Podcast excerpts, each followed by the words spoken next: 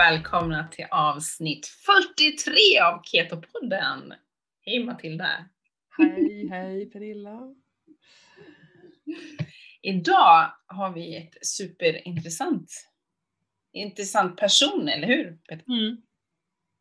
Petra kan jag ju bara säga och sen kan jag ju tyvärr inte uttala hennes efternamn. Därför. Det var inte så komplicerat, Boumedienne. Ja. Eh, nej men när man ser det så är det så här jättemånga bokstäver, men, Ja. men eh, när man väl läser det så... Jag fick tunghäfter liksom. ja, men, och sen också för man ska aldrig börja prata om ett namn, för då Nej. sätter det sig, du vet så här, vad är det för film, bara får inte se det, får inte se det, och så bara säger de det. Det är så Ja. Ja, nej, men Petra har vi intervjuat eh, och Ja. det var ju superinspirerande och intressant och vi hade Ja. kunnat sitta, ja, Ja, vi kunde ha sett hur länge som helst. Ja, alltså. och man bara kände så mycket mer vi prata om. Men eh, Ja. hon ville komma tillbaka så att vi tänker ju absolut göra fler avsnitt med henne. Det är ja, vår tanke. Mm. precis. Och, och bara lite för information till lyssnarna där också, att hon har ju tagit del av lite av mina tester som jag har gjort. Mm. Hon gjorde ju en analys på mig där. Vi ska berätta lite, det är inte alla som vet vem Petra är, hon berättar lite om sig själv också i Ja. avsnittet. Men hon eh, är ju utbildad funktionsmedicinsk terapeut och hon utbildar de som eh, går den utbildningen. Så hon är ju Mm. verkligen eh, kunnig inom hela funktionsmedicinområdet. Så Verkligen. hon drog iväg, drog igenom din, dina, dina provsvar här i, lite snabbt innan, men det var ju kul ju för då kunde vi, hon kunde ju liksom hela tiden namna till det och, och dra upp lite småsaker i avsnittet, vilket är kul. Mina Ja, tester har hon ju ganska bra koll på. Ja, precis. Och så blir det lite mer, eh, alltså det blir ju mer hands-on, man blir mer konkret liksom. Ja. Nej, men hon är superproffsig och liksom brinner ju verkligen för det här. Eh, och så jobbar ju hon eh, med Upgrit. Hon är ju liksom en av huvudpersonerna på Upgrid som, jag gillade det när hon sa att de är liksom ett hälsoföretag Mm. och inte en sajt som säljer kosttillskott. Och det det är så jag också känner med Upgrid, att det är verkligen eh, man kan lära sig där. De Ja. lär ut vad vi behöver liksom och det handlar inte bara om att just nu har vi en kampanjpris på det här. Nej. Utan det är så här, varför ska vi äta kollagen? Varför behöver vi magnesium? Ja, Ja. MCT och så. Mm. Precis. Sånt gillar vi. Ja, vi gör ju det, för då Ja. vet man eh, att det är Det är bra, bra produkter. Ja, eller hur? Mm. Faktiskt. Ja, Ska, ska vi, vi dra? ja, hoppa på avsnittet höll jag på att säga. För vi har, det blir ganska lång intervju så att vi ska inte ha världens längsta uppsnack här för då, då kommer ni och, och nej ni kommer inte tröttna. Nej, de trött, ni lyssnare tröttnar aldrig på oss. Nej, det gör ni inte. Det, men eh, vi har ju haft eh, två fantastiska veckor. Jag Ja. kör ju ganska mycket fasta och sånt där, det är lite roligt. Jag tycker om att experimentera med det. Jag har precis avslutat en 41 timmars fasta blev det. Mm. Eh, jag frös ju för bävern så att det, det, jag kunde knappt eh, göra någonting för mina fingrar är så kall. Det skulle bli fint väder idag så jag blev utlovad SMHI och det bara regnar och är så kall. Så, men vadå 41 timmar känns väldigt bra. Det är Och, jättebra jobbat ändå. Ja men precis, jag har varit lite, lite förkyld och lite sådär på sistone så att det känns ju eh, ändå skönt att ha dragit av det. Och du har ju varit och kört massa cykel här hela helgen. Mm. Hela helgen, så jag, och jag hoppar ju faktiskt på fasta idag jag också, eller började igår då. En 24 timmars kör jag idag. Mm. Men eh, än så länge känns det bra faktiskt. Annars eh, brukar det bli lite tufft när man har ansträngt sig så mycket som jag har gjort i helgen. Ja, Gjort av med så mycket energi. ja precis, när man känner att man behöver massa för återuppbyggnad och sådär så finns det liksom inte så mycket att ta av. Men, Nej. men det kan ju också vara att du är så pass adapterad så att den Ja. fixar det liksom. Ja, den går inte slut, den går inte tom. Nej, jag tänker det och sen om inte annat, det är bara att lyssna på kroppen. Funkar det inte så funkar det inte, då äter man liksom. Mm. Svårare än så är det ju inte. Nej. Nej. Men det ska vi, vi har, vi har ju vårt samarbets eh, med Upgrades. Japp. Så jag tänkte, sist pratade vi om ju kaffepaketet. Ja men det var ju grymt och det är ju Ja. så här. jag har ju verkligen, jag dricker det ja, men nästan varje dag, jag har väl glömt bort att ta i kakaosmöret någon dag. Jag drack Ja, men det supermycket förut. Alltså kakaosmöret, Ja. hur gott är inte det? Nej men det är så galet gott. Det, du vet, jag bara, jag ska ha lite ägg här. Ja. Ja men och som du då som, som eh, men skulle ta bort ägg och sådär. Ja men vadå, Ja. kakaosmör är ju perfekt. Precis. Ja, istället för bara vanligt smör tänker jag. Ja, jag kör det varje morgon nu. MCT-olja och så tar jag kakaosmöret Ja, precis. och kaffe. Grymt. Och så mixar jag samman det bara så blir det så lite skummigt fint liksom och gott. Åh, så jävla gott. Perfekt. Det problemet är, ska jag säga, jag dricker gärna svart kaffe. Eh, Men när jag mixar så här, då, då, då klunkar jag. Alltså, Jaha. Ja, det, när jag har bara svart kaffe då kan jag sitta och sippa på det där och grejer. Men när jag har mixat det, då är det bara som att fuff, det, är, det är för jäkla gott alltså. Jag håller med det dig. är för, för gott. Det blir inte det här, ja men det är två helt olika eh, stunder för mig. men vad ska vi, eh, det pratade vi om förra veckan, vad har vi den här veckan för att verkligen... Ja, men den här veckan tänkte jag att vi skulle lyfta fram hälsoboxen. Ja, vad är det? Jo men det är ju liksom en, en, ett multipaket då med deras eh, produkter med fokus eh, för att boosta immunförsvar och hjälpa kroppen och rent försvar. Och sen att vi, kroppen ska återhämta sig, att vi ska slappna av då till, och då heter det ren Ja, fokus var ju en. mm, Och en heter ju ren försvar försvar och ren vila. och ren vila. Så det är tre stycken olika. Ja. Och eh, fokus då, det hjälper dig för att hålla koncentrationen när det är en lång tuff dag. Och du sa ju att du brukar ju ta det när du vet att du har en hektisk dag fram, framför dig. Mm, och speciellt ska jag säga när det är mycket liksom eh, saker jag ska göra på datorn också. För, Mm. för när jag är med mina kunder och klienter och grupper och sådär, där, eh, ja det är där jag lever liksom. Jag känner inte att jag behöver någon extra kick av det. Men just när jag ska verkligen så här, kanske gå emellan kunder och sitta med datorn och har mycket framför mig, liksom min to-do-list, den är verkligen maffig. Då Mm. tar jag det på morgonen. Eh, och det, det blir verkligen en extra, en fettkaffe och en sån ska jag säga. Eller Ja. två tabletter. Ja. Ja.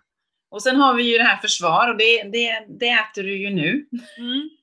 För det är ju att få en extra boost i förkylningstider och då innehåller ju det C-vitamin, zink och L-lysin. Mm. Och det är ju, alltså egentligen så under hela alltså, coronaperioden har jag ätit väldigt mycket C-vitamin och zink överlag. Här får man den kombinationen och ganska hög dos av C-vitamin, vilket jag gillar. För det är Mm. oftast är det ju väldigt små doser man får av C-vitamin annars. Man ska ju inte vara rädd för att käka C-vitamin, speciellt inte nu med virus. Nej men precis. Ehm, Så den kan jag verkligen rekommendera. Och nu när jag har varit lite så här halvrisig förra veckan, då gick jag och knaprade den mest hela tiden faktiskt. Ja. Mm. Och den sista är ren vila. Och det är ju tillskott med magnesium, B6 och glycin. Ja. Och det är ju hjälpa till för att varva ner och slappna av helt enkelt. Och den, den tar ju jag. ja. Och jag sover som en bebis alltså. Mm. Den är grym, tycker jag. Mm. Och det kan ni ju, sen nu när ni får lyssna på Petra så hade ju hon också varför den här kombinationen är. Det var lite Ja. intressant. Om just Precis. varför. Eh, Ja. Vila funkar så jäkla bra. Nej men så här är ju tre toppenprodukter då i ett och samma, i en box helt enkelt, som man får med sig hem. Så det är bara att uppge Ketopodden 15 Mm. om man är nyfiken och vill beställa sig ett eget litet hälsobox. En hälsobox. För vårat, eh, vår rabattkod gäller ju på hela deras egna sortiment. Ja. Allting som heter Upgrit gäller det på, så det är ju fantastiskt bra pris. Så Mm. passa verkligen på tycker jag. Och Mm. eh, köp hem det här. Eh, vila tar slut. Jag brukar köpa på mig flera stycken på en gång Ja. för att eh, det går fort. Jo men Ja. det, är ju, eh, det är ju några tabletter man tar. Men Ja. det kan jag säga att kanske inte börja med eh, den högsta dosen direkt utan trappa upp lite. Så Det gjorde inte jag. Jag Nej men du åt ju en del magnesium Ja, jag gjorde ju det. Ja, precis. Så att eh, det är väl det. För det här är ganska höga doser magnesium. Så att eh, käkar man inget idag då behöver man nog vara lite vaksam vid Mm. Man Mm. vakar. Mm. Härligt! Men nu släpper vi in Peter tycker jag. Ja. Så bara luta er tillbaka och, eh, och lyssna. Ja, mm. anteckna kanske. Så. Ja, precis. ja, super. Då kör vi. Då kör vi.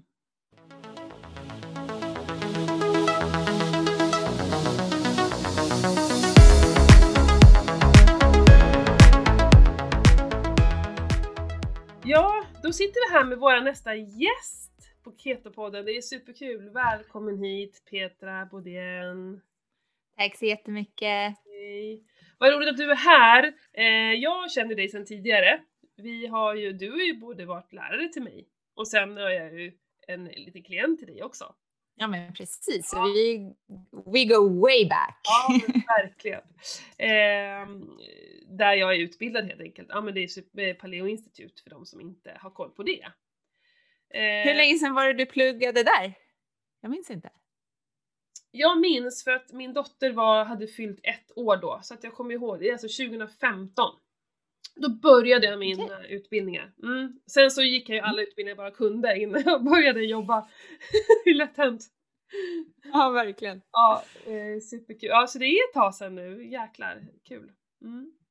Men eh, vad roligt! Eh, jag kan berätta att eh, Petra är här eh, som gäst för att vi har ett samarbete med Upgrit och Petra jobbar ju med Upgrit. Det är ju därför du är här, först och främst. Sen så vet vi att du eh, sitter på en väldig massa kunskap som vi eh, kommer grotta ner oss av idag. Mm. Men kan inte du börja med att berätta, vem är du och vad pysslar du med helt enkelt? Ja, jag är eh, först och främst är jag mamma och fru. Så jag har tre väldigt aktiva pojkar i åldern 15 till 10 år. Och eh, det är väl liksom som alla mammor, det är ett heltidsjobb utöver det man jobbar med. eh, men jag är funktionsmedicinsk terapeut och jobbar som sagt på bland annat Paleo Institute som lärare och Funktionsmedicinska institutet som lärare också, där vi utbildar funktionsmedicinska terapeuter. Jag tar emot egna klienter i mitt eget företag eh, och jag har dessutom nu nyligen startat ett annat företag eh, som heter FMC där vi stöttar nyutexaminerade funktionsmedicinska terapeuter men även och sådana som har hållit på länge, länge också bara för att få en second opinion och få en, ett sammanhang och sådär. Så att mycket funktionsmediciner i mitt liv och utöver det så jobbar jag då med fantastiska Upgrit som är eh, ett hälsoföretag som jag känner jag har haft mycket tillit till. Det är svårt att hitta bra företag som tänker hälsa i stort när det gäller kosttillskott och liknande. Jag vill jobba med ett företag där jag kan säga till mina klienter att ni kan gå in på den sidan och ni kan köpa vad som helst, för jag vet att det är bra kvalitet och jag vet att det som finns där, allting kanske inte är anpassat efter just min klient, men det är saker som i alla fall håller hög kvalitet. Mm. mm.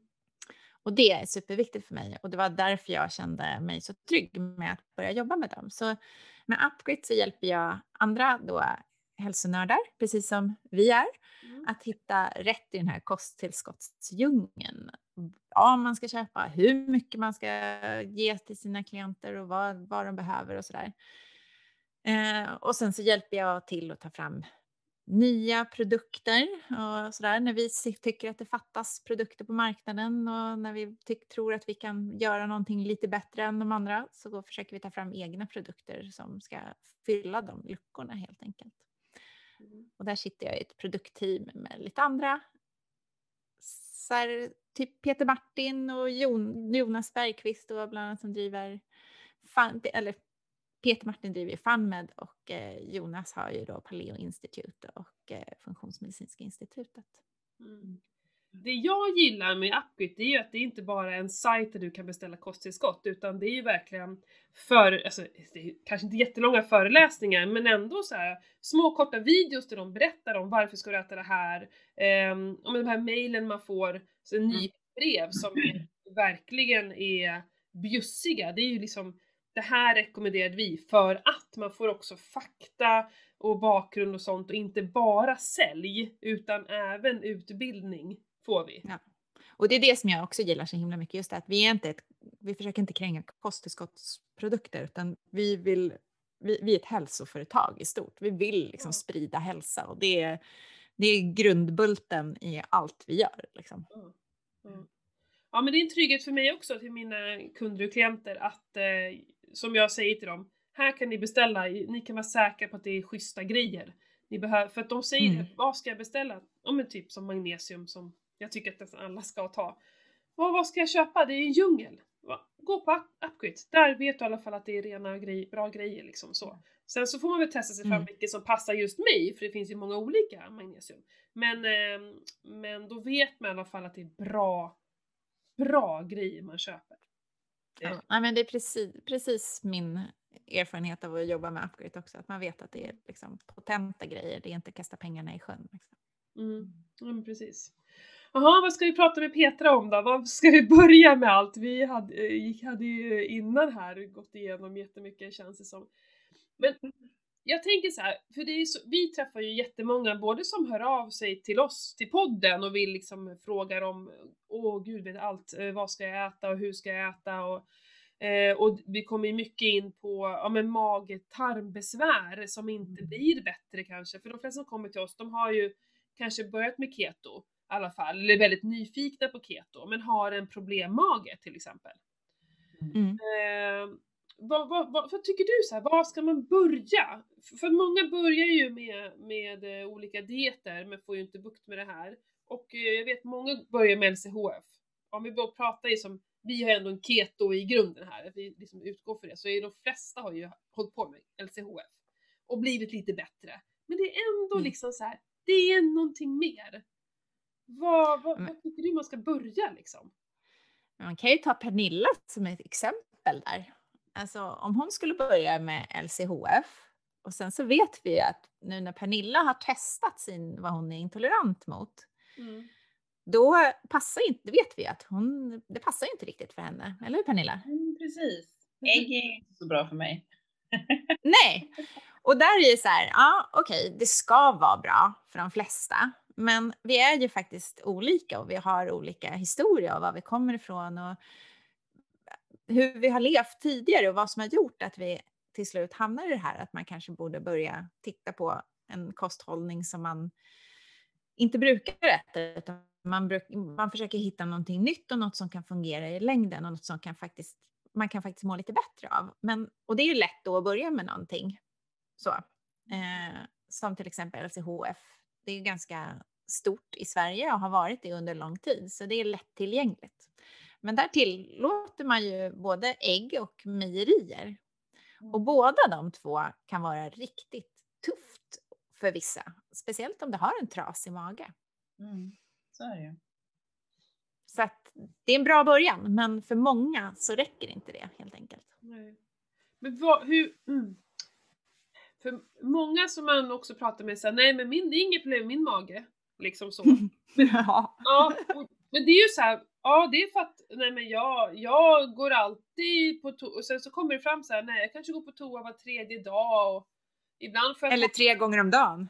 Ja precis, och då är det så här, ja men det är ju normalt för dem för de har alltid haft det så. Alltså jag jag var en problemmage innan jag fattade att det, är, det där är inte normalt. Men jag Mm. visste ju ingenting annat för jag hade alltid levt så. Det är det Mm. liksom, okej, och vi säger vad, vad är det normala då Petra? Hur ska det se ut? Hur ska det vara? Ja, men för det här med att gå på toaletten. Du ska ju gå på toaletten ungefär en gång om dagen och du ska få en ganska tydlig signal om att nu är det dags. Liksom. Och det där är också någonting som ibland försvinner. Har, går du ofta på toaletten och är lös, då den här signalen kommer inte alltid så tydligt som den ska till exempel. Ibland kan det ju vara så, vissa går ju väldigt sällan på toaletten och då börjar man fundera på så här, hur länge ska saker och ting vara kvar i kroppen? Det är inte heller jättebra med toxicitet som det kan skapa i kroppen. Så att, nej, det är ganska, det där med att gå på toaletten och göra nummer två, det är väldigt, väldigt viktigt. Ja. Men det är också som du säger Matilda, det som vi är vana vid, det är ju det som är normalt. Så Ja. när man pratar med människor, men har du problem med magen, precis som du säger, nej men det funkar bra. Och sen så börjar man prata med människor, då är det ju så här, då kommer det ju fram att ja, men det funkar nog inte så bra. Jag är ofta uppblåst. Jag känner ofta att när jag har ätit så blir jag inte pigg utan jag blir trött. Och det ska man ju inte bli. Man ska bli pigg när man har ätit och många blir jättetrötta. Ja. Eh, och då är det någonting som inte stämmer utan du ska ju få energi utav mat. Det ska inte liksom göra att kroppen blir trött. Så att då är det jättestora indikationer på, du går på toaletten med jättekonstigt mönster och du Eh, du mår inte bra, du kanske är gasig, rapig eller så blir du trött eller så har liksom, det, det finns så mycket som folk har normaliserat Mm. för att det alltid har varit så eller för att de tycker att men, alla har väl lite problem med magen. Mm. Det är nya normala. Ja, Ja men det blir normalt för att det är så pass många som, som, eh, som har det så. Och då blir det normalt, men nej, det, det behöver ju däremot inte vara det bästa, bara för att det är normalt. ofta är det ju väldigt inte det bästa utan det är väldigt Åh. dåligt för kroppen helt enkelt. Ja, men problem. Eh, hur är för att ofta så halkar vi in på det här med saltsyra och enzymer och sådana saker. Tror du att de, många har problem med det här? Ja, jag tror absolut att många har och då måste man ju fråga sig, funktionsmedicinen frågar sig här, varför är det så många som har problem med det här? Ja. Och varför kan inte våra kroppar bilda liksom saltsyra och gör liksom magsyra? Mm. Så att vi ska kunna bryta ner maten. Ja, jättestor anledning är ju till att vi stressar så himla mycket och att vi har liksom kroppen behöver tid från att vi tar första tuggan till att första signalen sänds ut att nu kommer det mat här. Då tar det nästan 20 minuter innan kroppen har liksom producerat tillräckligt med magsyra. Och hur många sitter i 20 minuter och äter idag? Det är inte jättemånga alltså. Nej. Utan man kastar i sig maten och så skyndar man iväg till nästa grej. Liksom. Och då hinner inte kroppen med. Och dessutom så när du kastar i dig maten så hinner du ju inte ens tugga ofta maten utan du sväljer den i stort sett innan du har liksom finfördelat den. Det blir också jättetufft för, maten, för, för magen. Så när man tänker då att ja, men då ska den in i munnen och där ska det först liksom bildas, eh, det ska ju blandas då med saliv och är du stressad då bildar inte kroppen än speciellt mycket saliv utan då är du i det sympatiska nervsystemet vilket gör att du är fight, and flight, fight, fight or flight mode. Mm. Och då är inte kroppen inställd på att man ska bryta ner mat överhuvudtaget utan det handlar bara om att liksom, du är jagat av, jagad av ett lejon. Här ska det inte brytas ner någon mat överhuvudtaget. Liksom. Så att eh, redan där har vi ju ställt till det för oss. Och sen så ska det här ner i liksom, tunntarmen och då har vi en tunntarm som ska jobba automatiskt. Gör ju det. Den trycker, masserar maten och trycker ner maten. Eh, och funkar inte det som det gör, för det, ska inte, det funkar inte heller bra om man är stressad, utan där handlar det också om att man måste liksom ta det lugnt och vila så att kroppen får göra sitt. Liksom. Så att där måste man också inse att det går inte bara att springa samtidigt som kroppen ska ta upp en massa näring från maten. Den kommer inte att ta upp speciellt mycket näring och speciellt inte om du inte har finfördelat maten redan i, för att du har för låg magsyra och sådana saker. Så absolut. Och jag tror att stress är en jättestor grundorsak till att många har sådana här, såna här problem att inte kunna bilda tillräckligt med magsyra. Mm. Vad tror Har man du inte om det här? ont i magen och när man äter sådär snabbt? Vad sa du nu Pernilla? Jag hörde inte. Får man inte så ont i magen när man äter sådär snabbt och slänger i sig magen? Alltså, eller, Ja, men det är ju lite grann samma som vi sa tidigare. Det är så här, har man alltid gjort det och äter på stående fot, då är det normalt. Mm. Att man får lite ont i magen efteråt. Mm. Och sen tänker man inte mer på det. Nej. Jag kan säga, jag är ju sån. Alltså jag, och jag, alltså jag skäms så mycket nu när vi står alltså Jag står och äter jätteofta. På riktigt Mm. alltså. Mm. Det- Jag har jobbat in på krogen i hela mitt liv. Det var så vi åt då. Man tog några tuggor, sprang ut och serverade lite, kom tillbaka. Man, ma- liksom, tallriken stod i luckan och så hade man en cigg bredvid också. Så här. Det var ju sjukt. Ja. det var helt sjukt. Men när jag tänker tillbaka på hur jag har levt, det är så här, det var, var det verkligen jag? Ja, ni skulle inte känna igen mig. Men Det var då. Ja, det var då. Nej men så att, och jag kan fortfarande upptäcka att jag, att jag står och äter. Jag står nästan jämt, jag sitter otroligt sällan ner. Jag står ju nu också. Jag, jag sitter, eh, stolar är inte bekväma, då sätter jag mig på något golv eller sådär. Eh, jag, jag har problem att sitta och sitta still. Det, det, det kryper, mina barn äter så här skitlångsamt. Jag blir så jävla stressad och bara Åh, klockan bara tickar, vi får in, dagen bara rinner iväg och de sitter och njuter. Och det är ju perfekt och jag försöker Ja. hålla mig. Eh, men hur ska jag, för- för jag blir så här, jag vet att jag ska äta långsamt, jag vet att jag ska tugga. Så här. Men jag gör det ju inte. Vad? Du får börja Matilda, vad du får göra det är för att du, du, du får börja använda bestick. Alltid, får aldrig äta med händerna. Men det gör jag inte. Och så Nej. måste du lägga ner dem när du tuggar. Precis! Efter varje tugga så måste du lägga ner besticken. Det var det jag skulle säga. Ja. Nej men för det, problemet är att jag blir ju sällan, jag blir ju inte mätt heller. Nej. Och det har ju med det att göra. Ja, det hinner aldrig, det, det hinner, den signalen hinner aldrig komma till dig. Nej. Precis. Nej, Men det, är också, det är också hormoner, det är ju ett mättnadshormon. Det är vårt leptin som ska utsöndras och det tar ett tag innan det utsöndras. Hormoner är inte jättesnabba. Så först har man ju det här som man blir hungrig av, grelin, som gör att man liksom känner hunger. Och det ska ju utsöndras innan man börjar äta, så du ska, man ska inte gå och småäta utan man ska ju bli hungrig. Och sen så när man är mätt, och det tar ett tag innan kroppen fattar att nu har jag fått nog.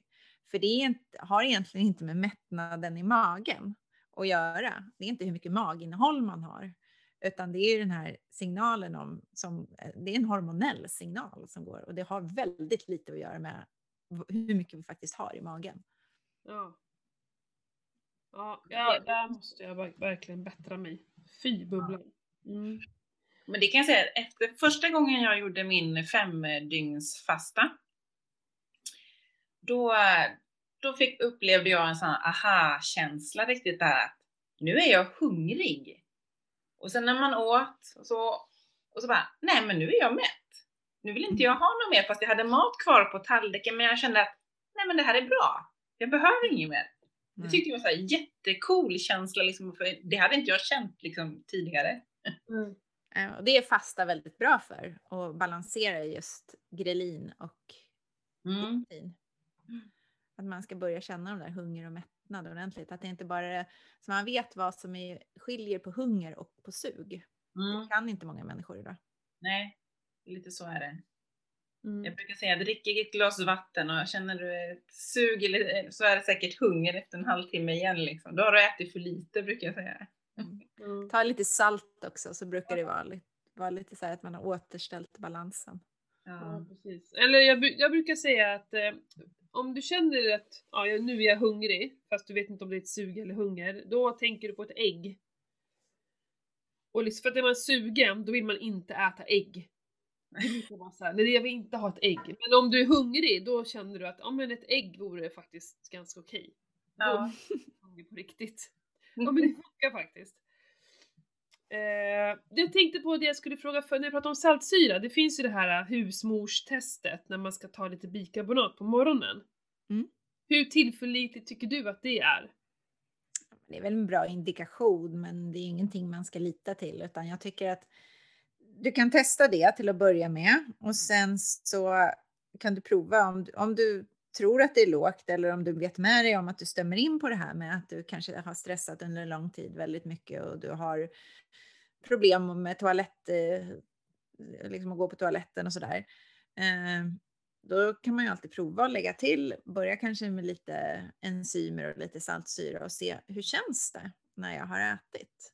För har du tillräckligt med saltsyra och tar saltsyratabletter, då kommer det inte kännas något bra. Nej. Så att då behöver du inte det. Men har du saltsyrabrist och tar lite saltsyratabletter, då kommer du märka att det känns mycket bättre. Mm.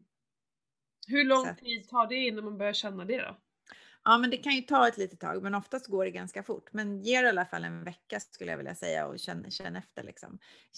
Om du har tillräckligt med saltsyra, då kommer du känna det på en gång, första gången liksom, du tar det. Hur känns det då, då? Att man mår illa då? Det var... Ja, det kan bli liksom att man, man får, du, alltså, det är ju lite olika för olika personer, men du kommer att känna att du mår illa. Du kanske får liksom ja, lite, eh, det känns liksom starkt i magen. Alltså det känns som att det, det kan komma upp lite eller sådär. Att det En känns, magkatarrskänsla då typ eller? jag vet inte, jag har aldrig haft magkatarr så jag har ingen aning om vad du pratar om. Det är väl lite såhär, eh, vad heter ja, men lite såhär sura... uppstötningar och sådär. Ja. Ja, det kan bli lite för mycket. Men jag, man kan börja med att prova med lite enzymer och lite saltsyra och se om det kan hjälpa. Och ge det en vecka liksom och prova olika doser. För det är också så här, jag har ju haft klienter som det står ju att så här, om du ska ta en till två saltsyratabletter eh, innan måltid. Och de tar liksom kan ta upp till 5-6.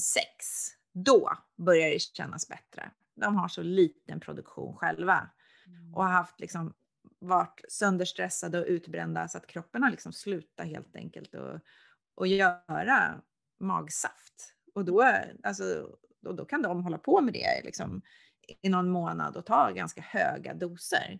Men efter ett tag, jobbar man med liksom stresshantering och börjar inse det här så kan man oftast dra ner och oftast helt sluta om du inte är liksom äldre och magsyrat.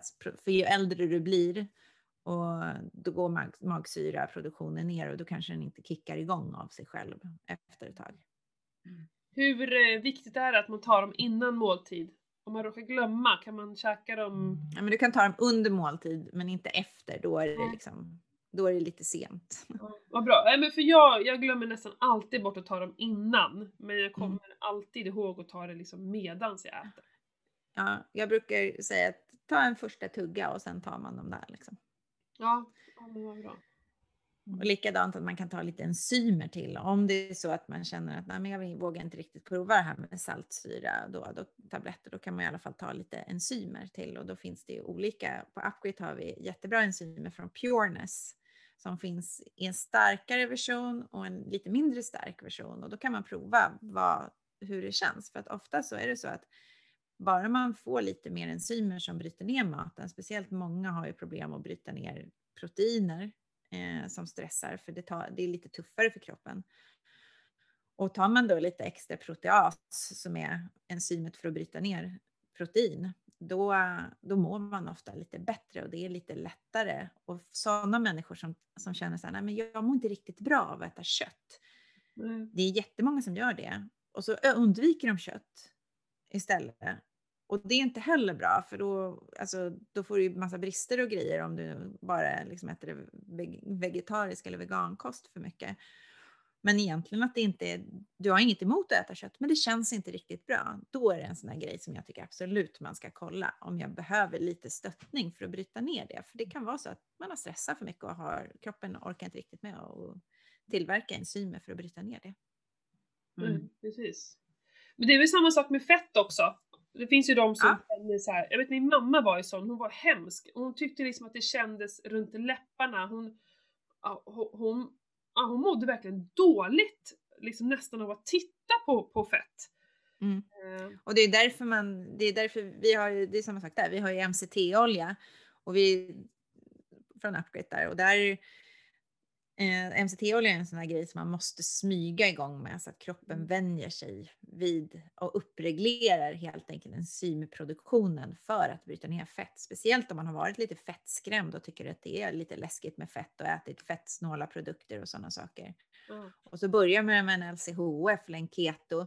Då är det helt plötsligt jättemycket fett. Då måste man faktiskt tänka efter att det här är inte min kropp van vid.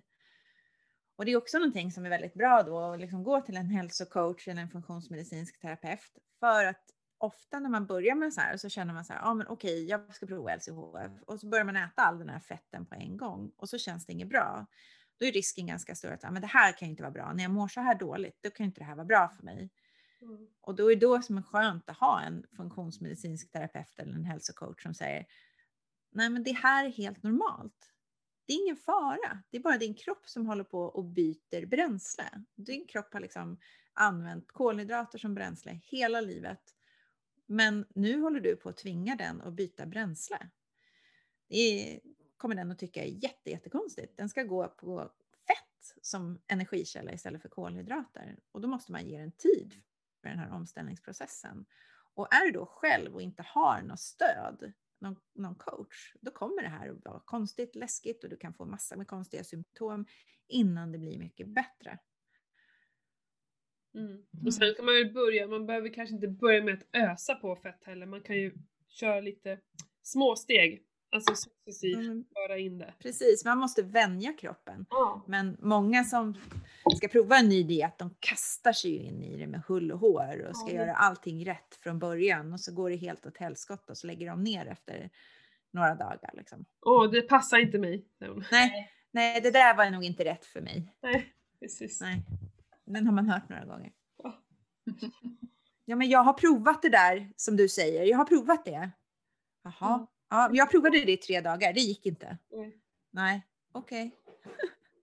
Eller de som har provat gluten och så har de bara köpt massa eh, glutenfria produkter eh, endast. Det var så de provade att vara glutenfri. Mm. Det är nästan samma sak kan jag tycka. Ja, nej, det blir lite fel ibland. Det blir lite fel ibland. Men vad tycker, för du jobbar ju ganska mycket med tester annars. Eh, och det är, väl- det är väl för att du ska kunna ge de bästa eh, tipsen och råden tänker jag till dina klienter. Jo, men precis så är det ju. Det är ju liksom, det är kanske, när man jobbar med, som kost och hälsocoach så kan man ju hjälpa väldigt, väldigt långt på vägen och stötta och finnas där precis på det sättet som vi pratade om nu. Att har man bestämt sig för att man ska göra en kostomläggning till exempel så är det jätteskönt att ha den här hjälpen och likadant när man tänker, det handlar inte bara om kost utan det handlar ju så mycket mer om liksom helheten när man jobbar med kost och hälsocoachning. Och det gör ju när man gör, jobbar med funktionsmedicin också, men där lägger man på ett lager till och tar reda på vad händer egentligen inne i kroppen. Och för att få då den här lilla extra som Pernilla behövde, hon behövde ju testa. Hon kom inte riktigt ända fram med sin kost, utan hon behövde ta reda på vad som var vad som stod i vägen för att det skulle bli 100 procent. Och då är ett sånt där intoleranstest väldigt, väldigt bra och en bra början. Mm. Verkligen. Där fick det lite, lite poletter trilla ner i mitt huvud om inte annat. Ja. Det ska bli väldigt intressant att se vad som faktiskt... För vi, jag och Pernilla pratade om det innan, innan du kom in hit Petra, just att Pernilla är ju inte sjuk säger jag inom citationstecken, alltså hon har ju inga, liksom vad hon vet, sjukdomar så eller jättestora problem eh, som många av mina klienter har till exempel. Mm. Eh, så frågan är så här, vad kommer hända nu när hon undviker de här olika ämnen, så här, äggvita och vad var det mer, kyckling och lax och så. Det ska bli ganska intressant att se vad kommer hon då som inte har de här jättestora problemen med. Mm. Jo men alltså det som var superintressant det var ju när jag slutade med ägg. Bara det gav effekt tyckte jag i alla fall rent, alltså fisigt eller uppblåst i magen eller vad säger man? Ja. Det vart ju en effekt nästan på en gång faktiskt. Det var rätt coolt liksom. Ja. Just det. Mm.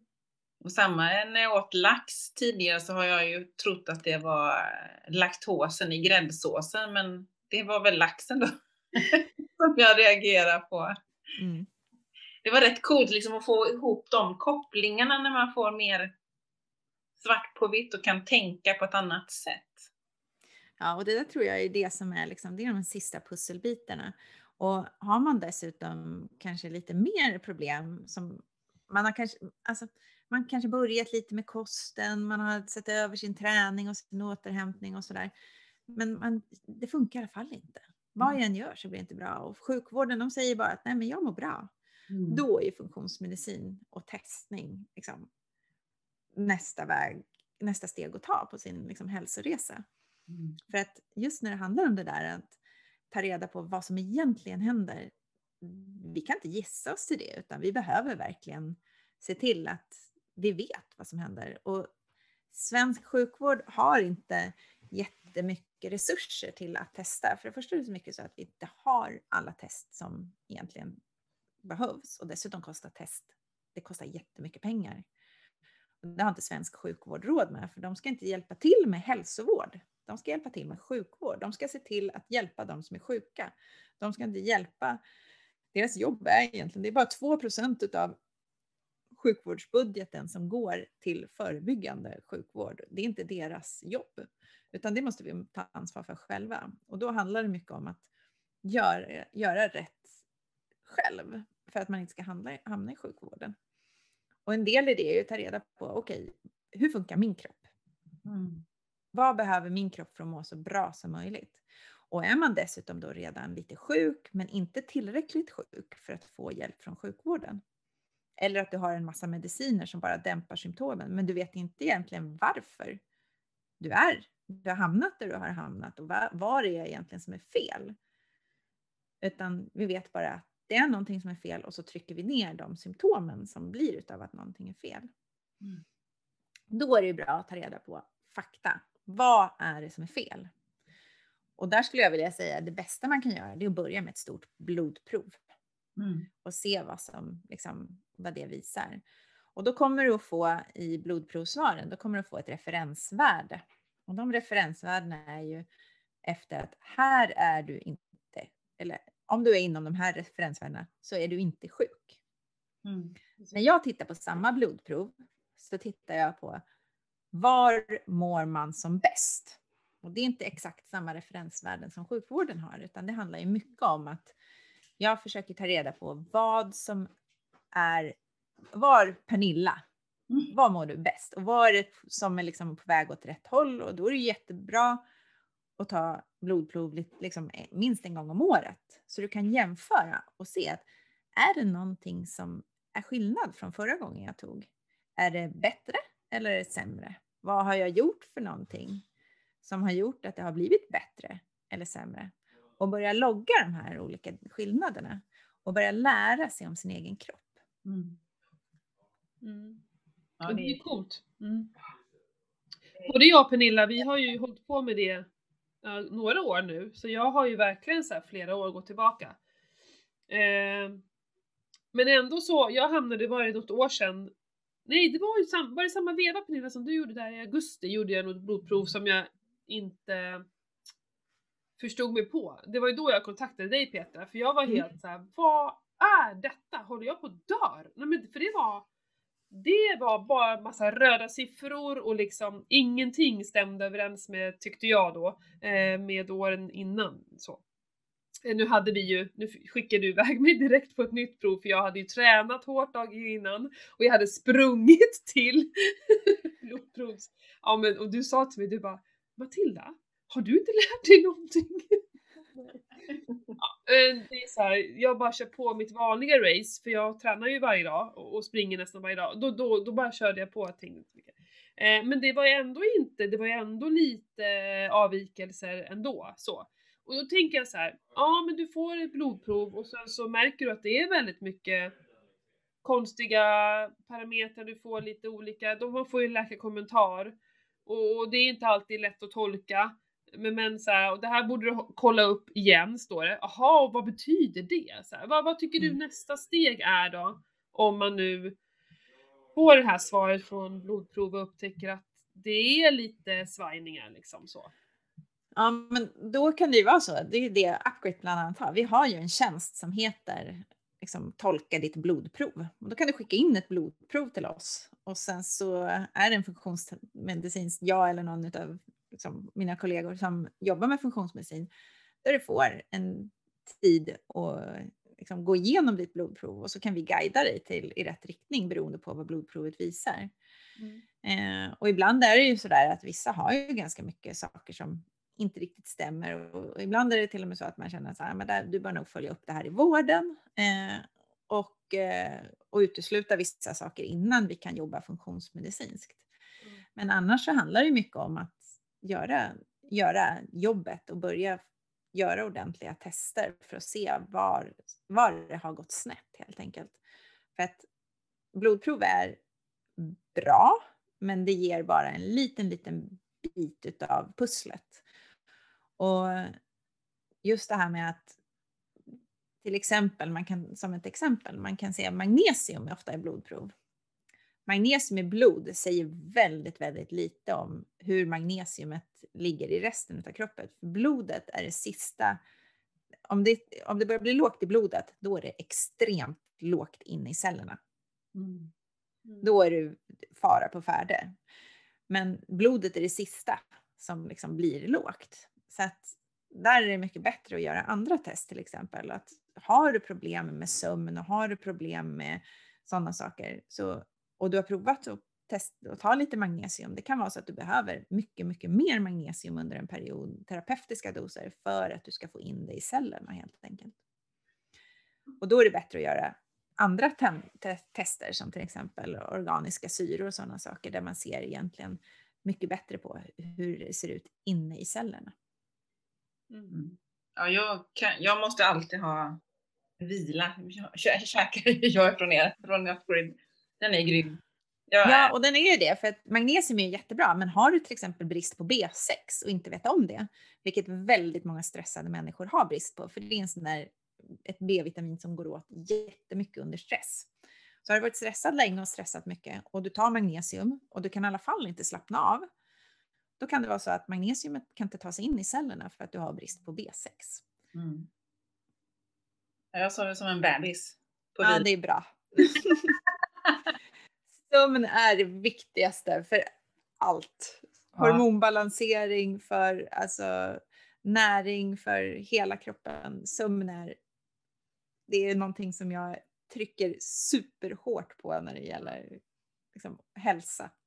Ja, för det tänkte jag fråga dig, så här, vad tycker du är liksom, de viktigaste sakerna att jobba med eh, när vi vill, ja men för hälsans skull? Stressen, jag fattar det, eh, men hur, det är så lätt att säga, ja du måste stressa mindre. Mm. Men, Men det finns ju några så här lågt hängande frukter som alla kan plocka. Liksom. Ja, Och det är ju bland annat att jobba med sin liksom, stress eller sömnhantering. Hur man faktiskt, och någonting som, alltså sömnhygien. mm, Att du ska ha bra, eh, du ska ha en bra liksom, vana. Du ska sluta lägga ifrån dig mobiltelefonen. Du ska se över ditt sovrum. I sovrummet sover man. Man tittar inte på TV. Man har inte mobiltelefon i, i sovrummet. Man, eh, utan, och du stänger av all, all, all belysning. Det ska vara mörkt, det ska vara kallt. Liksom. Se över dina vanor och vad som leder till din sömn. Hur gör du? När äter du sista måltiden? Du ska helst låta magen vara i stort sett tom när du går och lägger dig så att du ska få så bra återhämtning som möjligt. Så där är det ju så, här, det är så mycket som man kan göra utan att ens behöva liksom fundera speciellt mycket på eh, att man behöver ta extra kosttillskott eller att man behöver ändra speciellt mycket, utan det är så mycket enklare att jobba med det och få vanor och inte hålla på någonting som många människor, nu har det blivit bättre tror jag med just den delen i coronatider, men just det här att många har ju en social jetlag, att du är vaken sent på helgerna och sen ska du upp igen på måndag morgon. Och ni vet ju hur vissa människor reagerar bara på det här med att vi ställer om från, till sommar och vintertid. ja. Det är Mm. en timmars skillnad. Om du då på helgerna, varje helg, är vaken mer än två timmar mer än vad du brukar göra och sover kanske mer än två timmar på morgonen än vad du brukar göra, då får du en så kallad social jetlag. Du ändrar alltså dygnsrytmen i din kropp. Och det där är någonting som våra kroppar inte tycker om, utan de gillar ju att ha en cirkadiansk rytm där vi följer ljus och mörker och våra inre liksom, signaler. Så att det, det, det är nog liksom mitt absolut hälsotips nummer ett, att man ska verkligen se över sin sömn, för det är så mycket mer som faller på plats. Mm. Mm. Ja, jag vaknar jämt tidigt. Och hur tidigt är det? Någon gång mellan sex och sju. Oavsett när jag går och lägger mig. Ja, och då är det då din kropp behöver, vill gå. Då får du anpassa din gå och lägg dig i tid. Jag brukar säga det till mina klienter. Du ska inte ha en väckarklocka. Du kan ha ett nödlarm. Att har inte din kropp väckt dig själv vid den här tiden, ja, men då kan du, då kan du ha ett nödlarm. Men du ska ha en gå och lägg dig klocka. Mm. Du ska ha ett larm som går klockan åtta. Då ska du börja förbereda dig för kvällen. Du ska lägga ifrån dig mobiltelefonen. Du ska liksom dricka ditt eh, örtgivande, rogivande örtte. Du ska göra din, skriva ner en lista på vilka tankar du har. Få ut det ur hjärnan så inte det håller dig vaken på natten. Du ska göra din liksom kvällsrutin. Mm. Och sen klockan 10 ringer nästa. Då är det dags att krypa ner i sängen. Och sen har jag en sån här liten, klockan 22.22 22, då ska lampan släckas. Mm. Ja, men då, då, Sen ska, ska man vara klar med sin kvällsrutin. Och är det så att då man behöver, är man kroppen ännu tröttare än det? Att den behöver ännu mer sömn? Ja, då får man anpassa gå och lägga sig i tiden istället. Mm. Jag har ju börjat gå och lägga mig i samma tid på helgerna, så att jag går ju och lägger mig typ kvart över nio, halv tio, även på helgerna. Ja, Det är inte värt någonstans, för jag vaknar ju av mig själv då 05.30 och jag ställer inte klockan på halv sex på, på helger. Eh, då ställer jag den på sex kanske, men jag vaknar 05.30. Mm. Men jag skulle inte våga inte ha den igång på vardagarna. Så. Mm. Eh, Nej, det är det jag menar. Man kan ha ett nödlarm, men helst ska kroppen vakna när den känner att nu har jag fått tillräckligt med sömn. Vi som bor på landet har det ganska jobbigt nu för nu har fåren släppts ut med sina hundra lamm. Så hela natten i natt så bara Alltså det är helt sjukt, ni kan inte tänka er. Hela natten.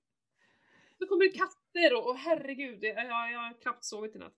Men äh, ja, min puls är låg ändå, det tycker jag är märkligt. Att jag ligger vaken men äh, pulsen är fortfarande låg. För jag har ju skaffat en sån här Oura-ring nu. Ja, just Äh, Ja, men vad kul. Ja, men då är det bra. Då, då är inte det någon stress i alla fall för dig. nej, Då får du ju återhämtning trots att du är vaken. Ja, för det tänkte jag faktiskt fråga dig om hur, hur det ligger till, för det här har ju stört mig lite, för att jag, jag är ju en sån som har svårt att somna. Jag har alltid haft så jäkla svårt för att somna på, på kvällarna. Eh, när jag väl somnat så sover jag liksom, jag vaknar aldrig på nätterna och så. Eh, och jag vet att jag har legat vaken, för jag har ju hört liksom min man när han håller på och till slut går han och lägger sig och sen så somnar han och så ligger, ja. Och jag kollar på klockan ibland bara för att bevisa för mig själv att jag är fortfarande vaken, jag har inte somnat. Men enligt ringen så har jag somnat på två minuter och jag kan ju legat vaken i timmar. Mm. Eh, och jag har, min lägsta puls är då också enligt den. Och det, Ja. det blir lite... Och det där är ganska häftigt för att det kan ju vara så att du sover lite och sen är du lite vaken och så sover du lite och så är du lite vaken. Men eh, någonting som, det där är ju väldigt vanligt, nu säger jag inte att det funkar för dig, men just det här som, som du sa Pernilla om glys, eller vila, den tabletten som vi använder. Mm. Glycin är ju en sån där, eh, det är en aminosyra och har man brist på den så har man ofta just svårt med insomningen. Så där kan det vara ett tips att prova att ta ett till tre gram glycin och ibland så, jag brukar ju ibland när jag vet att så här, okej nu är jag uppe i varv och jag skulle egentligen behöva sova nu. Jag kan ju boosta på ganska mycket med bara glycin. Okej, ska jag öka på det kanske? För jag, jag, Jag kan ju ta upp till sex gram glycin innan jag går och lägger mig ibland. Jaha.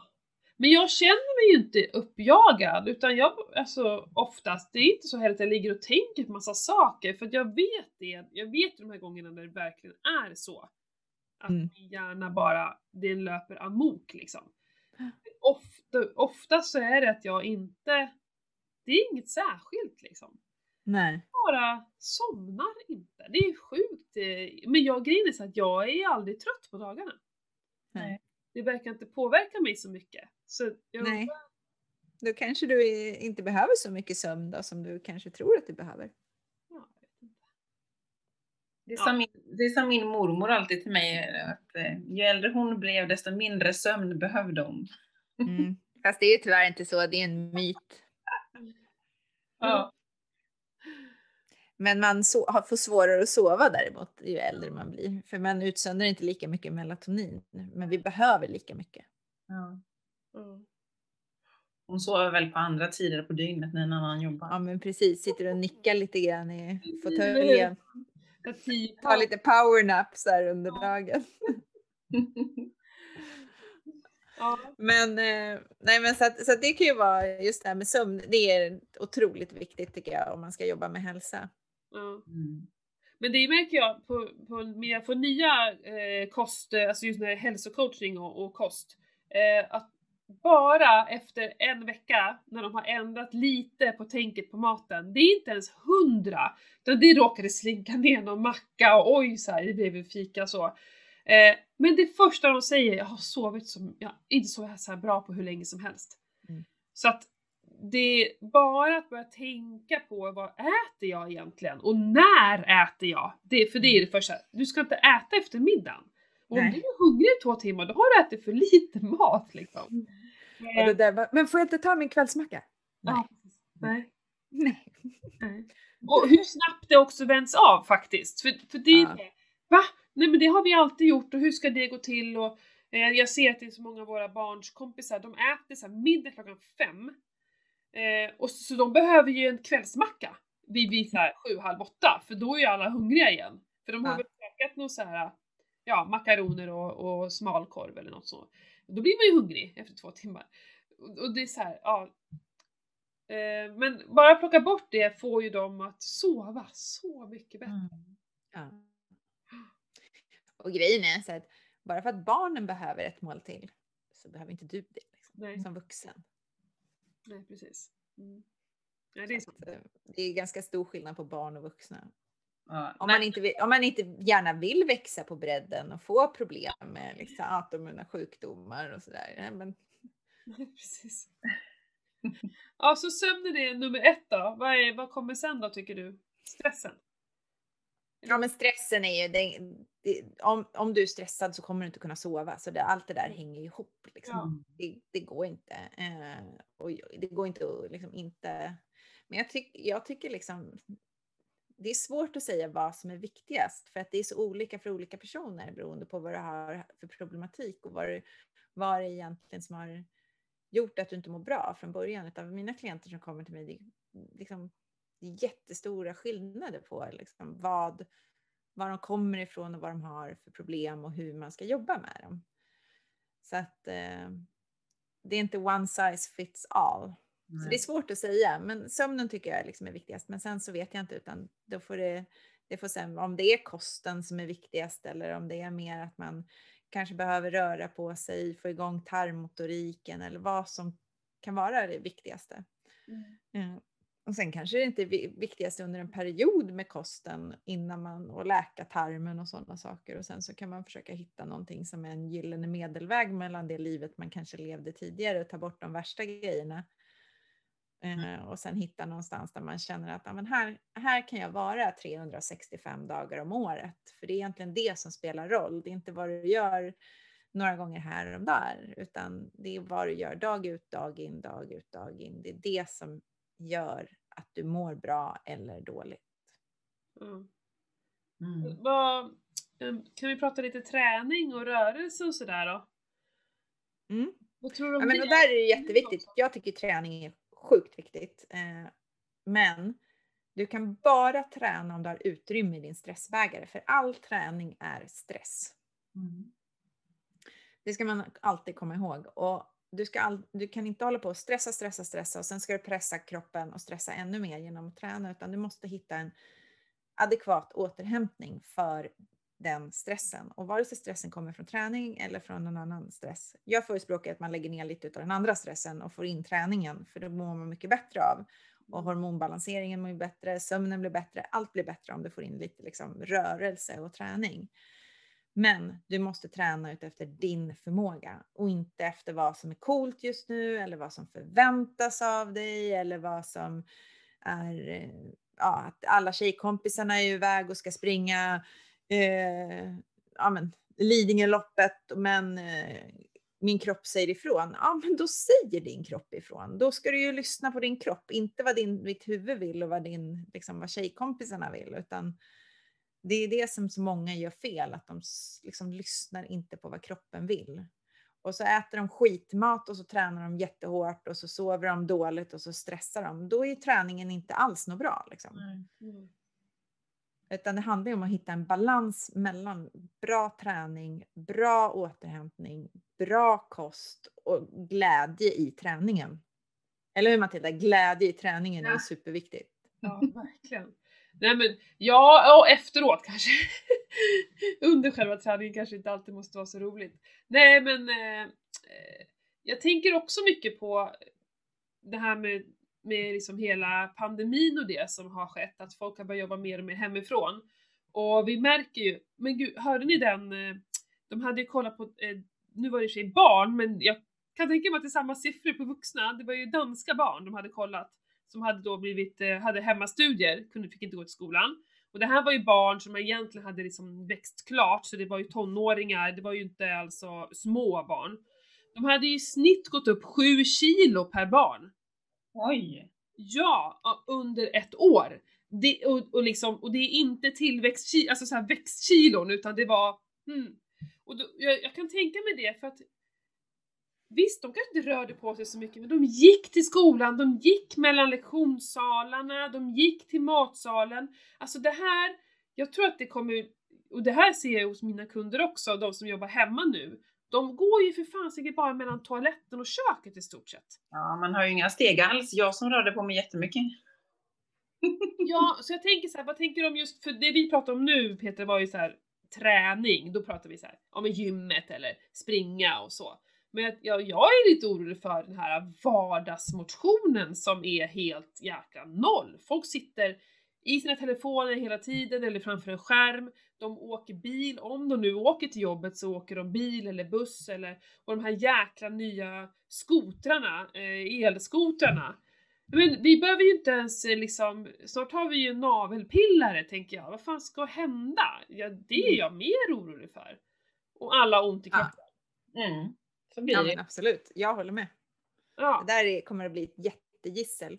Och man vet ju också att många barn har ju, nu när det har varit så här att man inte har kunnat träna, de som är väldigt engagerade i sin idrott och tycker att det är superkul, de kommer ju kämpa för att gå till idrotten som de håller på med. Men de som är lite sådär, ja, jag kan lika gärna vara, Mm. de har ju fått en anledning nu att sluta med sina idrotter. Så i, alltså, föreningslivet har ju utarmats jättemycket på grund av den här pandemin också. Så att det är ju inte bara den här vardagsmotionen som har försvunnit, utan mycket av den här liksom, inkörsporten till träningen har försvunnit. Och det är också en sak som, liksom, har du velat börja med en ny sport under den här två åren som den här pandemin har hållit på nu? Du har inte kunnat göra det, för det har inte varit några nya sporter. Liksom. Alla de här, det är flera liksom, det är barnkullar som inte kommer att introduceras till sporter på alls samma sätt. Nej, just. Jaha, så, det, så när även så för, för barn, de har inte startat några nya? Nej, det har ju skjutits upp. Liksom. Det har inte kunnat starta några nya för det har inte liksom fått... Så att de ligger ju lite efter liksom nu med, med träningar och under vissa perioder så har det inte varit några träningar överhuvudtaget. Liksom. Nej. Vi är ju som tur jag är ju så små barn så att det har ju faktiskt rullat på, deras träningar. Även om Mm. de har fått göra om ganska mycket så har det ändå rullat på. Och det är vi väldigt glada för. Ja men absolut. Mina barn är också trän, de tränar ju, har tränat jättemycket. Men det, är ju inga, det har inte varit några tävlingar och vi, vissa barn vill ju verkligen, de är ju i, i fotboll till exempel, det är inte kanske jättekul att träna liksom bara. Du vill ju spela matchspel. Liksom. Ja. Och har det inte varit några matcher då kanske det inte är liksom samma, det är inte lika kul att gå dit. Liksom. Nej. Nej. Så att, Ja, nej det det är där är ju, Hur det här kommer att sluta, eller sluta, men hur, vad som kommer att... eh, Alltså Ja. efterdyningarna av detta. mm. Nej men så det, det du säger är att vardagsmotion det är sjukt viktigt. Mm. Jag har ju, jag vet inte, jag har aldrig blivit di- di- diagnostiserat med det, men jag har ju lätt ADHD. Jag kan inte sitta och titta på TV till exempel. Det är helt uteslutet för mig. Så att jag går ju omkring. Om jag är inomhus och jobbar så går jag omkring hela tiden. När jag sitter med klienter så sitter inte jag med klienter. Nu när jag jobbar hemifrån, det är liksom, jag går omkring i det där huset liksom och ut och walk and talks Ja. med mina klienter. Jag kan inte sitta still. Så att även om jag bara varit hemma en dag och rört, liksom suttit och jobbat så har jag typ 10 000 steg. Ja. Ja, men det... Jag, Fördel med att ha lite diagnoser. Ja, precis. Folk blir superstressade att jag aldrig kan sitta still, men det, det är jag ju också eh, glad för. Men att bara sitta och... och ja, fy, nej. Men jag kan ändå... Ja, jag har ju inte så stort hus så att jag får ju ändå eh, kämpa med att få mina steg. Nu cyklar jag en del och då hamnar ju, då syns ju inte det på, på stegen. Så man får ju inte glömma bort att man rör sig på andra sätt kanske också. Så. Ja, men det är sant. Det är sant. Ja. Eh, finns det några andra tester du tycker som eh, du skulle liksom vilja lägga fram lite som du tycker får Ja, men det finns det absolut. Eh, om man, vi har pratat om blodtest och det tycker jag man ska göra en gång om året. En sån här organic acids, organiska syror för att se vad som egentligen händer inuti cellerna. Men som vi var inne mycket på mag och tarmproblematik och där är det superviktigt att faktiskt se vad som händer inne i magen. Eh, för att eh, svensk sjukvård idag är inte så jättebra på att testa vad som händer i tunntarmen. Det finns någonting som heter SIBO, jag vet inte om ni har pratat om det tidigare. Eh, small intestinal bacterial overgrowth. Har ni haft det Men vi, har, samtalet? Vi har inte... Ingen har inte varit inne på det, så era lyssnare har inte hört det uttrycket förut helt Kanske enkelt. De är väldigt pålästa många så det kan, de har säkert hört. Det, ja, precis. Men det är någonting som, har man mag och tarmproblematik så är det ofta att jag, jag testar SIBO-testning, att man ser vad som händer om man har för mycket bakterier i tunntarmen, för där ska man inte ha speciellt mycket bakterier, utan man ska ha bakterier i tjocktarmen och det är där de hjälper oss att bryta ner mat som inte vi kan bryta ner, cellulosa och sådana saker. Eh, så att, och hjälper oss att bilda massor med härliga bakterier som är goda för oss och B-vitaminer och de gör serotonin och de gör hur mycket bra grejer som helst för oss. Men i tunntarmen ska det inte vara för mycket. Utan där ska vi ta upp näringen och inte ge det till bakterierna. För det är faktiskt så att bakterierna kan sno vår näring om det finns för mycket utav dem där. Vi kan även ha svamp, man kan ha parasiter, man kan ha sådana saker också. Och då ska man testa det i ett avföringstest, tycker jag. Så att det är väl oftast de testerna som jag gör med mina, det är liksom när jag jobbar funktionsmedicinskt med startprogrammet som jag har tillsammans med Upgrit. Då är det så att man får helt enkelt testa blod, organiska syror, SIBO eh, och eh, avföringstest för att se vad man har för bakterier och ett intoleranstest. Det ingår liksom, om det är så, liksom, det, det är standardtestningen som vi utgår ifrån. Sen kan det ju vara så att man behöver lite olika eh, tester och det är ganska dyra tester så ibland är det folk som inte riktigt har råd att göra de här och då får man välja ut de som kanske är viktigast och sådär. Men det är de som jag helst vill göra för att få en sån stor del utav liksom, få så många pusselbitar som möjligt för att jag ska kunna bygga ihop liksom, en bra bild utav hur jag ska kunna hjälpa den, här, den klienten som jag jobbar med. Hur gör man SIBO-testet? Är inte det också avföring? Nej, det är andning faktiskt, utandningsprov. Är det sant?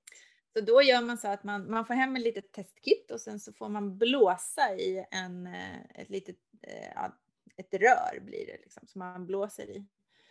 Och där det är lite, man ska blåsa helt normalt och så, så det, det är lite så här att man får äta en speciell kost dagarna innan för att man ska förbereda sig för det här testet. Men då blåser du först i ett litet rör och sen så dricker du en laktuloslösning, alltså en slags sockerlösning. Och laktulos kan inte vi, våra kroppar kan inte bryta ner det, utan det bryts ner av bakterier. Och beroende på vilken slags bakterier som finns då i tarmen och bryter ner det här, då blir det olika gaser utav det här och det är de gaserna man mäter när man andas ut. Och sen blåser du ett sånt här rör var 20 minut i tre timmar. Och då, ser, då, går, då är det hela tunntarmen som man ser då. Hur mycket bakterier det finns på olika ställen i tunntarmen. Och även hur mycket som finns kvar när man kommer till tjocktarmen. Och där ska ju då resten av den här laktulosen ätas upp. Så egentligen så ska du inte ha någon gasutsöndring så att säga i, under hela tiden ända fram till tjocktarmen och där ska allting brytas ner. Men eh, ofta är det ju så att man har SIBO, antingen väte-SIBO, det finns tre olika sorter, väte, väteproducerande bakterier, då kallas det för väte-SIBO. Det finns metanproducerande bakterier, då kallas det för metan-SIBO. Det är ofta då man, fisarna, Ja. eh, eller då är man ofta hård i magen. Om man däremot har en sulfidfis eller en sulfat-SIBO, då fiser man, då luktar det äggmök om fisarna kan jag säga. Det är inte jag. Nej. Men däremot har man SIBO så kan det vara så att de här bakterierna bildar alldeles för mycket, för mycket gaser och då kan du ha problem med att få gaser i magen helt enkelt. Ha. Det visste inte jag att, att det var så Spännande. att testa. Vad, gud vad intressant menar jag. Ja, det är faktiskt superintressant. Och det var ju som jag sa till dig Pernilla, du hade ju lågt på i blodprovet hade du lågt på folat, B12 och järn. Precis. Och du sa att du äter B-vitaminer. Mm, B-komplex äter jag ju. Ja, precis. Du äter B-vitaminer och då tänker jag så här, okej, du har lågt på, B, på två sorts B-vitaminer. Du hade dessutom lågt på järn. De här bakterierna som är i tunntarmen. Det är mycket möjligt att du har lite bakterier i tunntarmen som kanske blir uppätna. Ja. Då, de snor dina, dina B, de som du vill ha, dina, Ja, dina näringsämnen som du har tänkt att stoppa i dig för att du ska må bra. De här bakterierna i tunntarmen käkar upp dem. Så det blir inte någonting kvar till dig. Så även om du, man fyller på med järn till exempel. Många har ju lågt järn, många kvinnor, och så äter man järn, vilket jag inte tycker att man ska göra i första hand överhuvudtaget, för att det är ofta toxiskt för kroppen. Utan du ska försöka fylla i det med mat istället, järn speciellt. Men då kanske det blir så att bakterierna käkar upp det som du egentligen skulle behöva. Och då kommer inte dina, hur mycket järn, eller jo, stoppar du i dig tillräckligt mycket järn så kommer det mata både dig och bakterierna såklart. Men eh, stoppar du i dig normala doser så är det mycket möjligt att då äter bakterierna upp det istället. Precis. Så är det säkert. Det vill man ju inte. Nej, det vill man ju inte. Och då vill man ju gärna få bort den där SIBON, de Ja. där bakterierna i tunntarmen. Precis. Så man får läka då? Vad sa du Matilda? man bort SIBO? Det finns många olika sätt att göra det på. Det är bland annat att man kan äta en, eh, man kan vattenfasta. Man kan äta en karnivorkost. Det har faktiskt Peter Martin och Martina Johansson gjort en lite mindre studie på precis. Och det använder jag mig ofta av mina, speciellt om man har metansibo som är ganska jobbig att jobba med. Man kan använda antibiotika. Man kan använda eh, olika örtkurer, örtutrensningar och då är det olika, olika bakterier är för olika örter och eller då, ta, olika örter tar död på olika bakterier ska jag säga. Så då får man använda lite olika örtprogram för att döda av de här. Sen är de här bakterierna ganska smarta. Mm. De gömmer sig och de kapslar in sig. Så man behöver både, och det kallas för biofilm det de kapslar in sig i. Då. Så man måste både tänka på att man ska få bort biofilmen och du ska döda bakterierna. Eh, och dessutom så när bakterierna dör, då blir det toxiskt i kroppen. Så då måste du ha en lever som fungerar bra så att kroppen orkar med att ta bort den här toxiciteten av de här döda bakterierna. Så måste du ha en mage och tarm som rör sig bra också. Du måste ha en bra motorik i tarmen. För att annars så stannar de här döda bakterierna kvar i tarmen och du får en lätt förgiftning och utav det kan du må illa och sådana saker. Så man kan få ganska mycket utrensningssymptom när man gör en sån här avdödningskur så att säga för att döda dem. Jag har fått höra, det här är ett tag sedan, men eh, att det, om man skulle vattenfasta så är det 18 dagars vattenfasta för att verkligen bli Det av. beror på, vilken, det beror på vilka bakterier du har. Mm. Eh, har du en tio dagar brukar räcka alldeles utmärkt. Och det är inte så att du vill, du behöver inte döda allt. Det är inte det du är ute efter. Du vill ju inte döda bakterierna i tjocktarmen. Tjocktarmen vill du ju ha kvar Ja, bakterier. Mm. Utan vad du vill det är att för det första så måste, det här är ju också jätteberoende av det som vi pratade i början om, det här med saltsyra. För att har du inte tillräckligt med saltsyra och enzymer, då kommer det att ta mycket längre tid för kroppen och maten kommer att vara kvar i tarmen mycket längre och mycket jobbigare för kroppen att ta upp näringen. Och det här kommer dessutom då att göra att bakterierna hinner frodas i tunntarmen på ett helt annat sätt. Så att allting hänger ihop som sagt. Så under tiden som man jobbar med att ta bort det här så måste du jobba med tarmmotoriken. Men du vill inte alltid ta bort, liksom, du vill inte döda alla bakterier. Det är inte det vi är ute efter, utan vi ska döda de som är för många och de som inte är schyssta. Mm. Så vi vill jobba med samtidigt att fylla på med bra bakterier och ta bort de dåliga och sen så ska de ner i tjocktarmen. Mm. Och det här är ju också så här sätt som man, för det är ju ofta, barn har ju också problem med det här. Speciellt barn som är väldigt stillasittande eller barn som har intoleranser och sådana saker.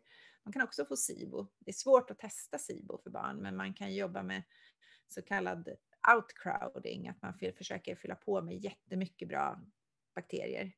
Så att man får se till att de döda bakterierna, eller de, de dåliga bakterierna får inte plats längre, utan man fyller på med jättemycket bra bakterier istället. Mm. Men det finns väldigt många sätt att ta bort SIBO och jobba med att ta bort det. Ja. Men det är, det är ganska mycket jobb med, eller hur? Just SIBO känns det som. Ja, det kan, vara, det kan vara tufft, men det beror på också var i tarmen den sitter, vilken slags SIBO du har och sådana saker. Så att, Ja. Ja. Jag blev ju genast nyfiken. Ja, Vad kan jag ha? ja precis. Nej, men har man mag och tarmproblematik, de flesta som kommer till mig har fått en diagnos som heter IBS. Mm. Många, många, många utav dem har ju en SIBO i botten som ligger och stör, att de har en, en mage som inte fungerar som den ska helt enkelt. Och har du dessutom haft en SIBO länge, då har du ofta, då har du ofta problem med att du, du har intoleranser, du har mycket intoleranser och ganska stora intoleranser. För då har tarmen hunnit skada. För de Mm. här bakterierna som ska ju inte vara där, så de skadar ju dessutom tarmen. De förstör tarmslemhinnan och gör att vi inte mår speciellt bra i tarmen helt enkelt. Ja, men precis. Säkert. det, det skulle ju kunna vara någonting för dig Pernilla, att ta som nästa steg. Definitivt. Biohackarna är ytterligare ett steg. Eller hur? Det är grymt kul. Ja, det är sjukt intressant. Man vet bara, jag vet ju bara inte var jag ska börja någonstans, det är det. Jag ska, jo, jag ska börja med att sitta ner och äta mat. Och Ja, jag ska fasiken börja med. Det är nog en väldigt bra början. Jag vet att du Och kommer man inte längre så får man helt enkelt ta kontakt med en funktionsmedicinsk terapeut. Ja, men visst är det så. Men jag bara tänker så här. Ja, vi har inte hunnit prata om fasta någonting alls. Det är ju någonting som ligger både i mig och Pernilla varmt om hjärtat så. Men om vi pratar med en superstressad kropp. Ska den personen fasta? Du nick- du. Det är jättesvårt att säga det för att för, för några år sedan så sa man så här att nej, men fasta stressar kroppen alldeles för mycket. När man är superstressad ska man inte fasta. Men grejen är att det är, det är lite tudelade meningar om det just nu i den funktionsmedicinska världen. För att det är så mycket som är återställande och så mycket faktiskt. Så det är liksom, det är lite grann den här vågen. När ska man göra någonting och när ska man, är det bättre att liksom vänta? Och det där måste man nog ta lite grann längden på fastan. Terapeutisk fasta ska du inte hålla på med när du är stressad, alltså långa fastor. Eh, men däremot så är det så här också att ja, det är krångligt det där. För att har du en SIBO till exempel, då kommer din kropp att vara jättestressad inifrån. mm. För att du har en överväxt av bakterier i tunntarmen som gör att du inte mår bra. Och vad är då bäst? Är det att öka stressen under en kort period för att sen kunna total, eller sänka totalstressen efter att du har fått bort SIBON. Så att där är också så här, man får fundera på varför gör jag fastan? Hur länge fastar jag? Och i vilket syfte fastar jag? Alltså vad, vad vill jag få ut av det? Det där är väldigt individuellt skulle jag vilja säga. Mm. Mm. Ja men det är ju så himla fascinerande med fasta och sen så, som både jag och Pernilla har ju testat och så efter typ ett dygn så bara, jag måste avbryta, det går inte. Min kropp bara skriker nej, det här är inte rätt tillfälle. Och Nej. ibland så Och bara... då måste man ju lyssna på det. Ja men precis, och ibland så bara åker man på en räkmacka genom hela fastan utan en, ett enda problem. Och det är så himla fascinerande vilken stor skillnad det kan vara från fasta till fasta. Verkligen. Absolut. Ja. Så är det. Då fortsätter vi helt enkelt lyssna på våra kroppar. Det är nog A och O i det mesta man gör. Man ska inte lyssna på så mycket brus runt omkring, men det är inte så jävla lätt just nu i det här, den världen vi lever i. Mm. För det är så mycket brus runt omkring som tar oss bort från att lyssna till vad våra kroppar faktiskt vill säga till oss. Ja, sen tycker jag att signalerna blir lite diffusa ibland. Eh, att det, det är så mycket, man, man har så mycket att tänka på, eller jag vet inte hur jag ska förklara det, så att de här signalerna kommer liksom inte riktigt igenom. Jag eh, hör inte alla min kroppssignaler faktiskt så. Nej. Nej, men så är det ju. Absolut. Jag Så Fasta kan, vi prata, fasta kan vi prata väldigt länge om. Ja, ja, ja. Kan, jag, kan, kan, kan jag komma tillbaka och prata om en annan gång? För det Ja. tycker jag också är väldigt, väldigt intressant. Alltså verkligen, och så kan vi bara prata om, eh, liksom man skulle kunna prata om sina egna fastor, för det är så, jag tycker det är så fascinerande med fasta. Mm. Och hur olika vi mår av fasta.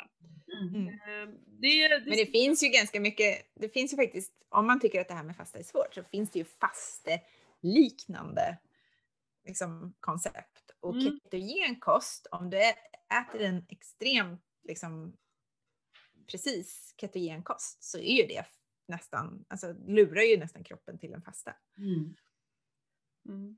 Kroppen tror att den är i en fasta. Om du äter en bra liksom, en bra carnivore ketogenkost så är du nästintill samma, samma genuttryck eller sa- samma uttryck du får i kroppen som Mm. en fasta. Mm. Ja, carnivore var ju också jäkligt coolt att ha provat på i alla fall. Ja, jag är lite Ja, sugen det är riktigt testa. Ja, eller hur? Kanske är bra för min SIBO kanske. Ja, det är faktiskt, SIBO är ju speciellt om man, ja, men har man problem med SIBO kanske inte, eller man har problem med magen, inte vill testa sig, så prova en månad med carnivore eller en och en halv. Då, och utan avsteg, Mm. då kommer du ha en mycket lugnare mage. Mm. Och så efter det så kan man börja återintroducera enligt AIP. Mm. Så att man börjar liksom äta allting som är okej i ABC eh, eller AIP. Och sen så börjar du liksom lägga till saker. Så du kanske till och med kan, skulle kunna lägga till ägg så småningom. Ja. Äggula i alla fall. Precis, det är perfekt. Det var ju att börja äta igen, det var ju det jobbigaste av hela carnivore-perioden. Ja, men absolut. Äta carnivore var ju inga problem alls, men när jag skulle börja äta, herregud. Ja, det var sjukt jobbigt. Men vad bra! Då, då säger vi på återseende tycker jag Petra. Ja, jättegärna. Jag kommer så gärna tillbaka. Gud vad trevligt. Tack snälla Petra. Eh, vi, vi hörs och ses. Vi... Men vart kan man hitta dig om man är nyfiken förresten? Det kan du väl berätta om? Jag är faktiskt mest, jag finns ju på Upgrit där man kan se mig i massor av Upgrits eh, Youtube-kanaler och på våra utbildningar och sådana saker. Så där finns jag ju hur mycket som helst. Men eh, sen finns jag också på Instagram, är jag ganska aktiv på pbomedien på Instagram. Annars så finns jag på bomedien.com också som är min eh, egen sida. Jag är inte så duktig på det där med att uppdatera just den, men eh, om man vill liksom följa mig i realtid så är det nog bäst att gå in på Instagram där. Ja men Instagram är ju bra. Där har du ju Ja. steppat upp lite här på sistone. Nu är du ju Ja. jätteaktiv där. Det är superkul. Ja, och det hänger ihop lite grann med att eh, vi är ganska mycket på eh, Clubhouse, det här nya. Ja, Där är jag ju väldigt, väldigt aktiv faktiskt. Det, Ja. jag, det får man inte glömma bort att säga. Eh, jag gillar ju som sagt eh, inte så jättemycket att skriva. Det är inte min, så en bok kommer ni aldrig att få se från mig. nej. Men däremot är jag just att utbilda och prata. Så att Clubhouse är ju ett sånt här, eh, där man pratar och eh, är, diskuterar och pratar, precis som du, vi sitter här egentligen nu, en interaktiv podd i realtid. Där Ja. vem som helst kan kliva in och fråga och sådär. Så Mm. där är jag varje tisdag och torsdag morgon klockan 8.30 under våran klubb som heter FMC. Aha. Spännande. Intressant. Det får vi hålla ögonen öppna på. Mm. Mm. Så där hittar man mig. Grymt! Men eh, ha en fantastisk fortsatt dag Petra så syns och hörs vi. Ja det gör vi. Ha det så jättebra. Tack för att jag fick vara med. Hej hej!